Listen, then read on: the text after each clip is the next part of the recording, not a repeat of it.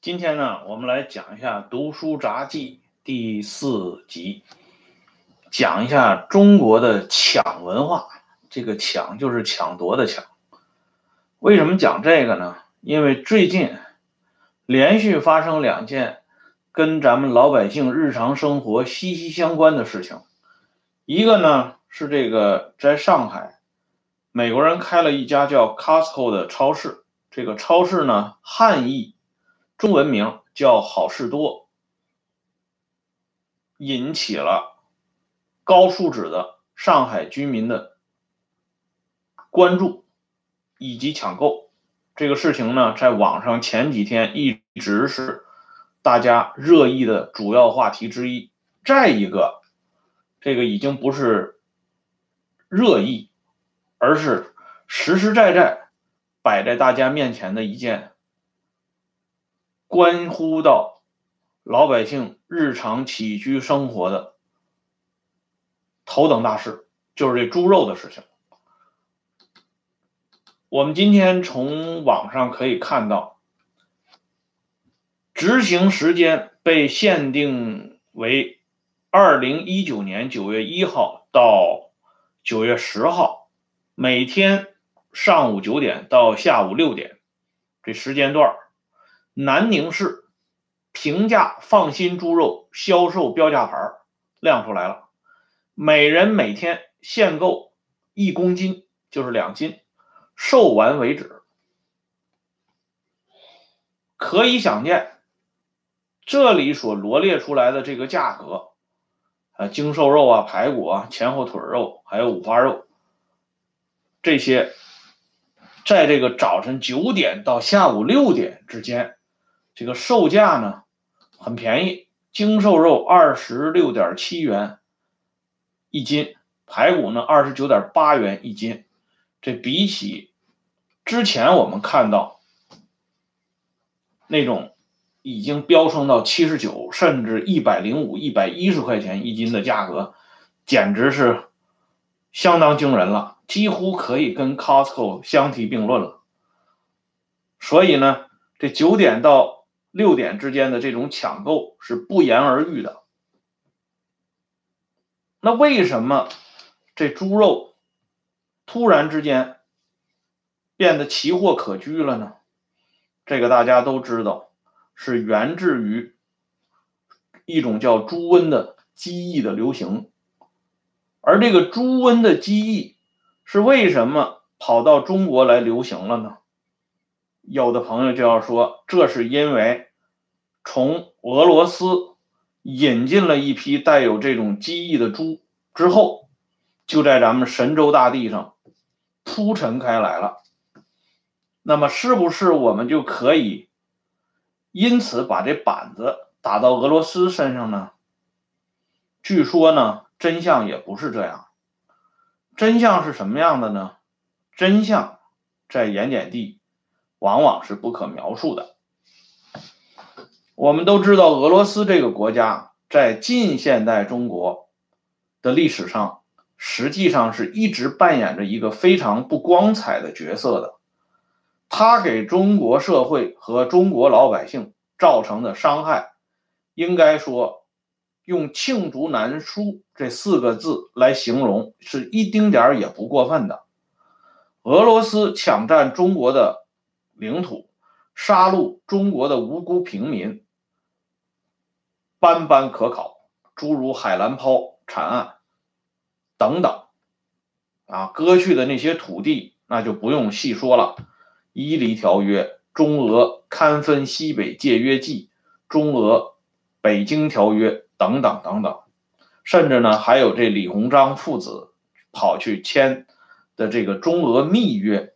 损害了大量的中国的领土完整和主权，而且呢，当苏联和中国进入蜜月期的时候，就是中苏关系最好的时候，那个时候呢，中国完全养成这位号称老大哥的所谓无私的援助和支持，才得以呢初步站稳脚跟，这个政权呢才得以。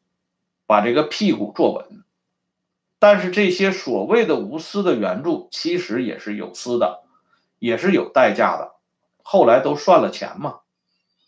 而且呢，有相当多的史料和资料证实，苏联人把从欧洲战场抢夺来的这些旧的东西，以次充好，以旧顶新。那些汽车呀、坦克呀，还有其他的装备，它只不过是刷了一层新的漆啊，油漆喷涂了一下，改头换面一下，然后呢，就以新产品的价格卖给中国。周恩来作为接受方的代表，他本人是亲眼目睹了那些刚刚刷好的漆。也完全掩饰不了他那种旧有的风貌，这个现象，周本人是完全看在眼里的，但是因为大政所关，他也不可能斤斤计较。就是说，苏联人当年也干过这种缺德事儿，可是考诸历史，你要说俄国人把这些过期的、残次的。甚至是有毒有害的食品，成批量的运进中国，恐怕还真找不到几条。就是说，俄罗斯人他再坏，再怎么着不堪，他好像还没干过这种事儿。反倒是呢，在一九九一年年底，苏联解体之后，中国和俄罗斯之间的民间贸易。突飞猛进，在突飞猛进之后呢，我们看到一些公开资料来介绍，就是有一些中国商人居然用工业酒精勾兑白酒卖给苏联人啊，卖给俄罗斯人，以至于呢，让人家的消费者喝这种完全不能饮用的白酒啊，带引号的白酒，最终呢。把自己的两个眼睛都给喝瞎了。这如果按照咱们这个外交理嫩部，这个更爽啊，没有最爽，只有更爽。他的说法呢是，没有需求就不会有供给。如果按这个逻辑的话，似乎呢俄罗斯人也是活该。可是呢，这个事实是不容辩驳的。就是中国出口劣质白酒，把人家俄罗斯人给喝糟践了，这种事儿是完全可以找到的。包括今天咱们用 Google 搜一下，都能搜到这个情况。没听说俄罗斯人用劣质白酒把中国人眼珠子给喝瞎的。所以为什么说这个温猪的事情背后的情况呢？是不可描述的，也就在这里。而且这个话题呢，我们要是展开一下来讲，其实也很有意思，正好是承接昨天关于斯大林为什么要发动大清洗。我们昨天讲了斯大林的那些骇人听闻的残暴的历史，杀了多少人，杀的比沙皇时代还要多。按常理，咱们来说，斯大林。这是一个不折不扣的暴君了。可是呢，就斯大林这个人，他对高尔基这么一个著名的文学家，他当然是利用高尔基的这个名望和声望，为自己呢歌功颂德。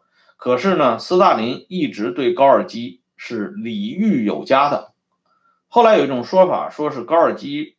后来实际上是被斯大林给害死的，这种说法呢是出现在一本叫《倒转红轮》的书里面，有过这方面的介绍。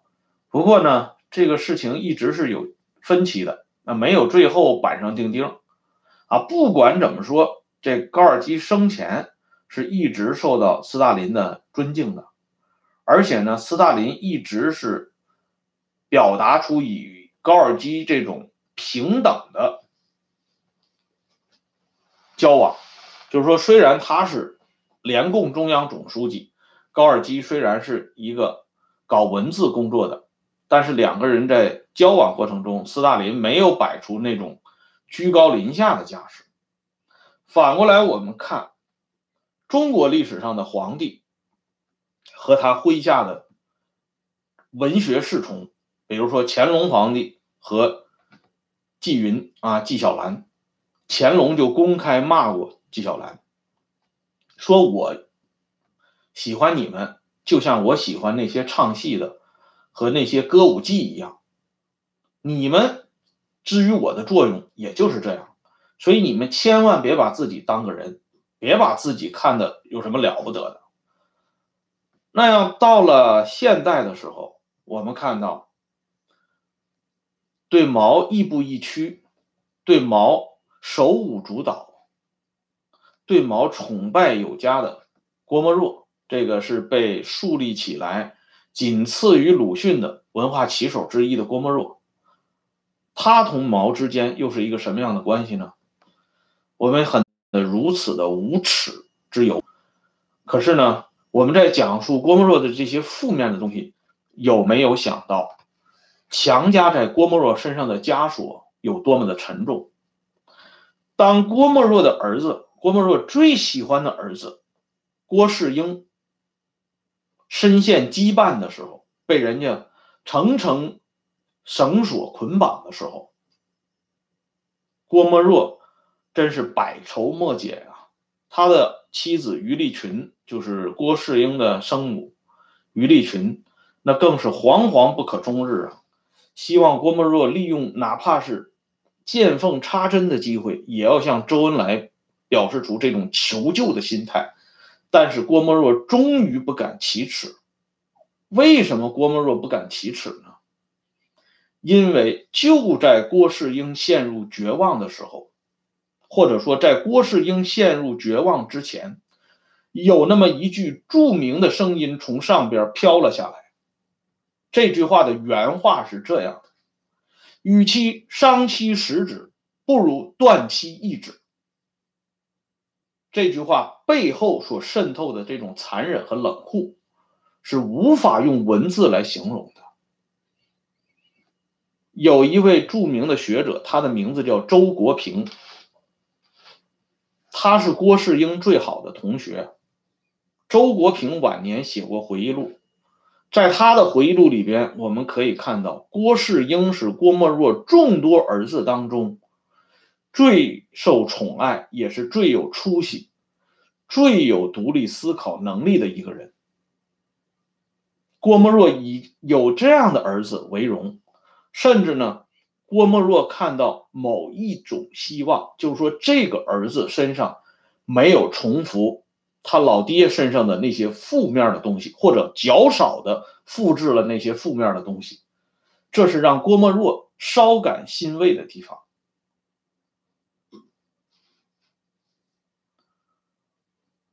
可是呢，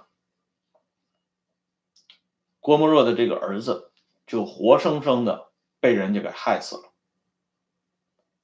伤其一子，啊，伤其十子，断其一指，这种话在背后看着郭沫若，所以郭沫若宁可在儿子死了以后，默默的趴在桌子上，用毛笔，用正楷。一篇一篇的书写儿子生前的日记，日记，也绝不敢张开嘴巴去向周恩来祈求放儿子一条生路，因为他知道，只要他敢说出那句话，那么他们全家的生路都是大可存疑的。这就是郭沫若和高尔基之间一点微细的区别。我是说微细的区别。刚才也有朋友讲。高尔基的儿子啊，意外身亡，这个事情也有一点，确实是有有这么回事但是这些呢，也仅仅是存疑。但是郭沫若的儿子的死亡已经无需存疑了，只不过在郭沫若的传记里边，撰写者不敢直面事实，他只能羞答答的承认郭沫若的儿子郭汜、郭世英是死于。四人帮一伙的迫害，他当然不敢说出四人帮背后站着的那个人。这是某种意义上也可以折射出这前苏联和某些国家它的不同之处。还有一个，苏联这斯大林通过大杀大砍、横加迫害与杀戮，某种程度上讲，他已经夯实了这个联共布尔什维克的统治基础。因为我昨天已经用一个排列给大家讲了。凡是领袖认为不顺眼的，或者认为有潜在威胁的，都被搞掉了。那么剩下来的来的，一定都是绵羊，乖乖的听话，甚至都是一块块泥巴，任由统治者来拿捏。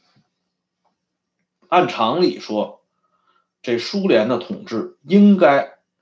绝不只是一九一七年至一九九一年七十四年的这个时间，有可能会更长。然而呢，谁也没有想到，当斯大林去世之后，仅仅三年左右的时间，他的智商委员会主席赫鲁晓夫跳了出来，做了那么一份秘密报告。报告的名字就是直奔主题，关于个人崇拜，把斯大林伪装了二十九年的绚丽的外衣剥了个一干二净。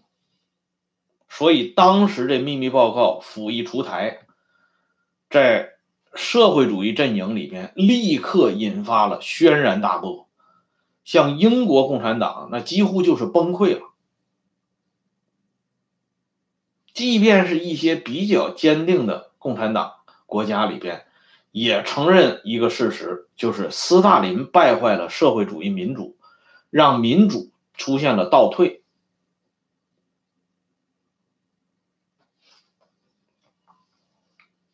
赫鲁晓夫是斯大林死后的智商委员会主席呀，虽然呢他在斯大林治商活动当中没有。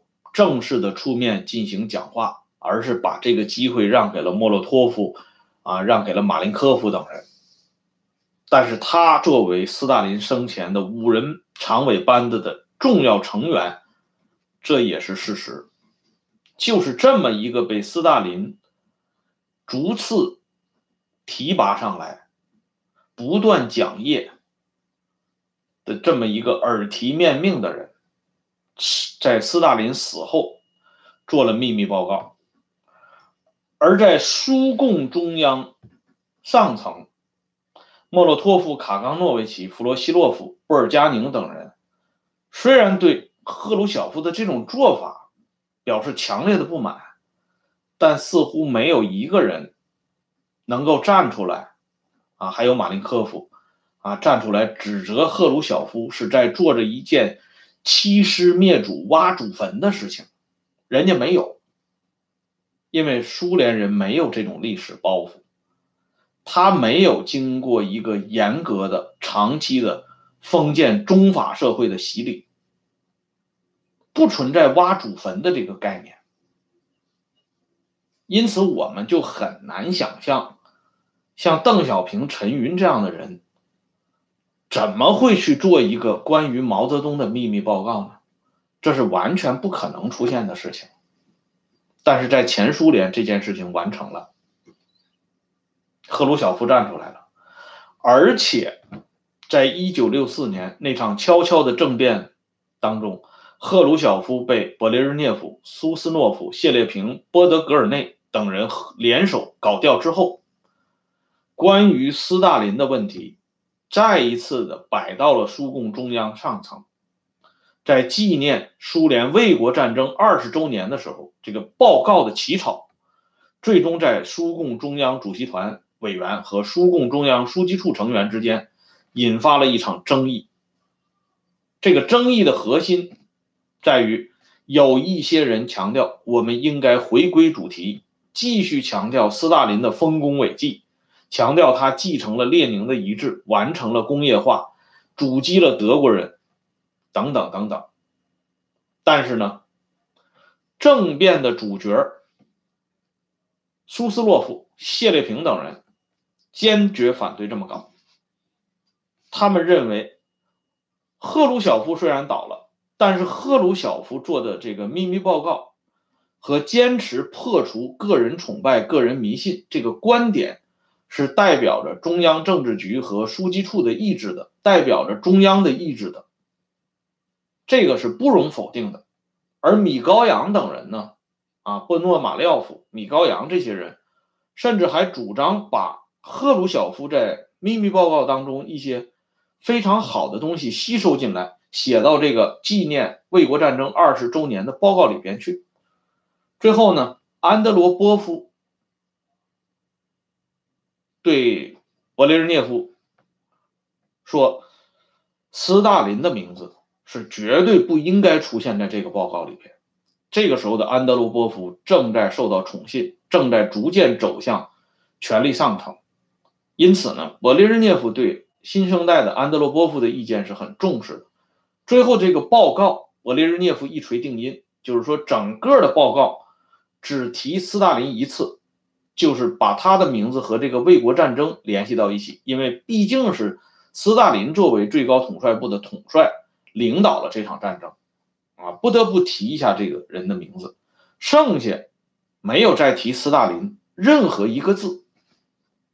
也就是说呢，在完成对赫鲁晓夫的推翻之后。苏共中央再一次成功的阻击个人崇拜的回潮，而这一次的阻击是具有很大的历史和现实意义的。正是因为这一次成功的阻击，斯大林的这个雕像彻底的粉碎了，彻底的粘补不起来了。当然，这个雕像在另外一个国家已经逐渐被树立起来了。所以呢，今天我们看到。俄罗斯的总统普京，尽管千方百计的在连庄，遭到了他国内的这些青年人的极力的反对，并且他的声望呢逐渐在下降，但是不论他的声望跌到什么点位，甚至可能是零点啊，但是这个人与朝鲜的金正恩，那还是有着很大的区别的，在普京的心目中。克伦威尔式的护国主政治，应该是他所追追追寻的目标啊，追求的这个方位。但是金正恩他们要实行的是封建奴隶专制，那是迥然不同的。所以，我们这说了这些话的目的，就是为了回到刚才的话题：俄罗斯啊，乃至之前的前苏联。他再混蛋，再怎么样的不堪，他毕竟是一个传统意义上的欧洲国家，他在很多方面还是颇有一些底线的，所以他不会像北朝鲜那样干这种把坏猪肉运到人家国家这种下三滥的事情。所以，为什么说温猪这件事是一个不可描述的事情呢？就在这里。而这个由猪肉到 Costco 的这个抢购，则集中体现了咱们中国这种特殊的抢文化，这个是很厉害的。如果用成语来形容，叫巧取豪夺。巧取豪夺说白了就是偷和抢联合吃住。但是呢，偏偏是这个巧取豪夺这种东西，尽管在咱们中国的字典里蒙羞，可是呢，他在历史的一些很多章节和很多片段中，却大放异彩，大行其道，有着足够的尊严和地位，甚至成为很多人。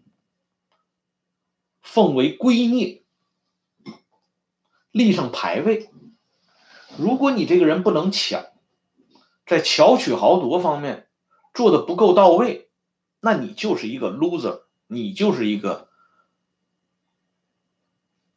沉沦下僚的失败者。那么这个抢文化是怎么在这个咱们这个神奇的土地上形成的？它在这个盐碱化的过程当中，它是一个充当了一个什么样的角色的呢？我们下一次的节目里边再详细说一说。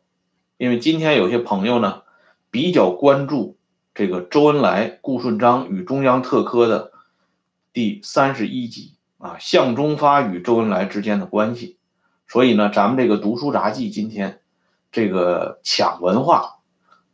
上集咱们就先说到这里，希望大家不要走开，我们马上回来继续讲这周恩来、顾顺章与中央特科。谢谢大家，过会儿再见。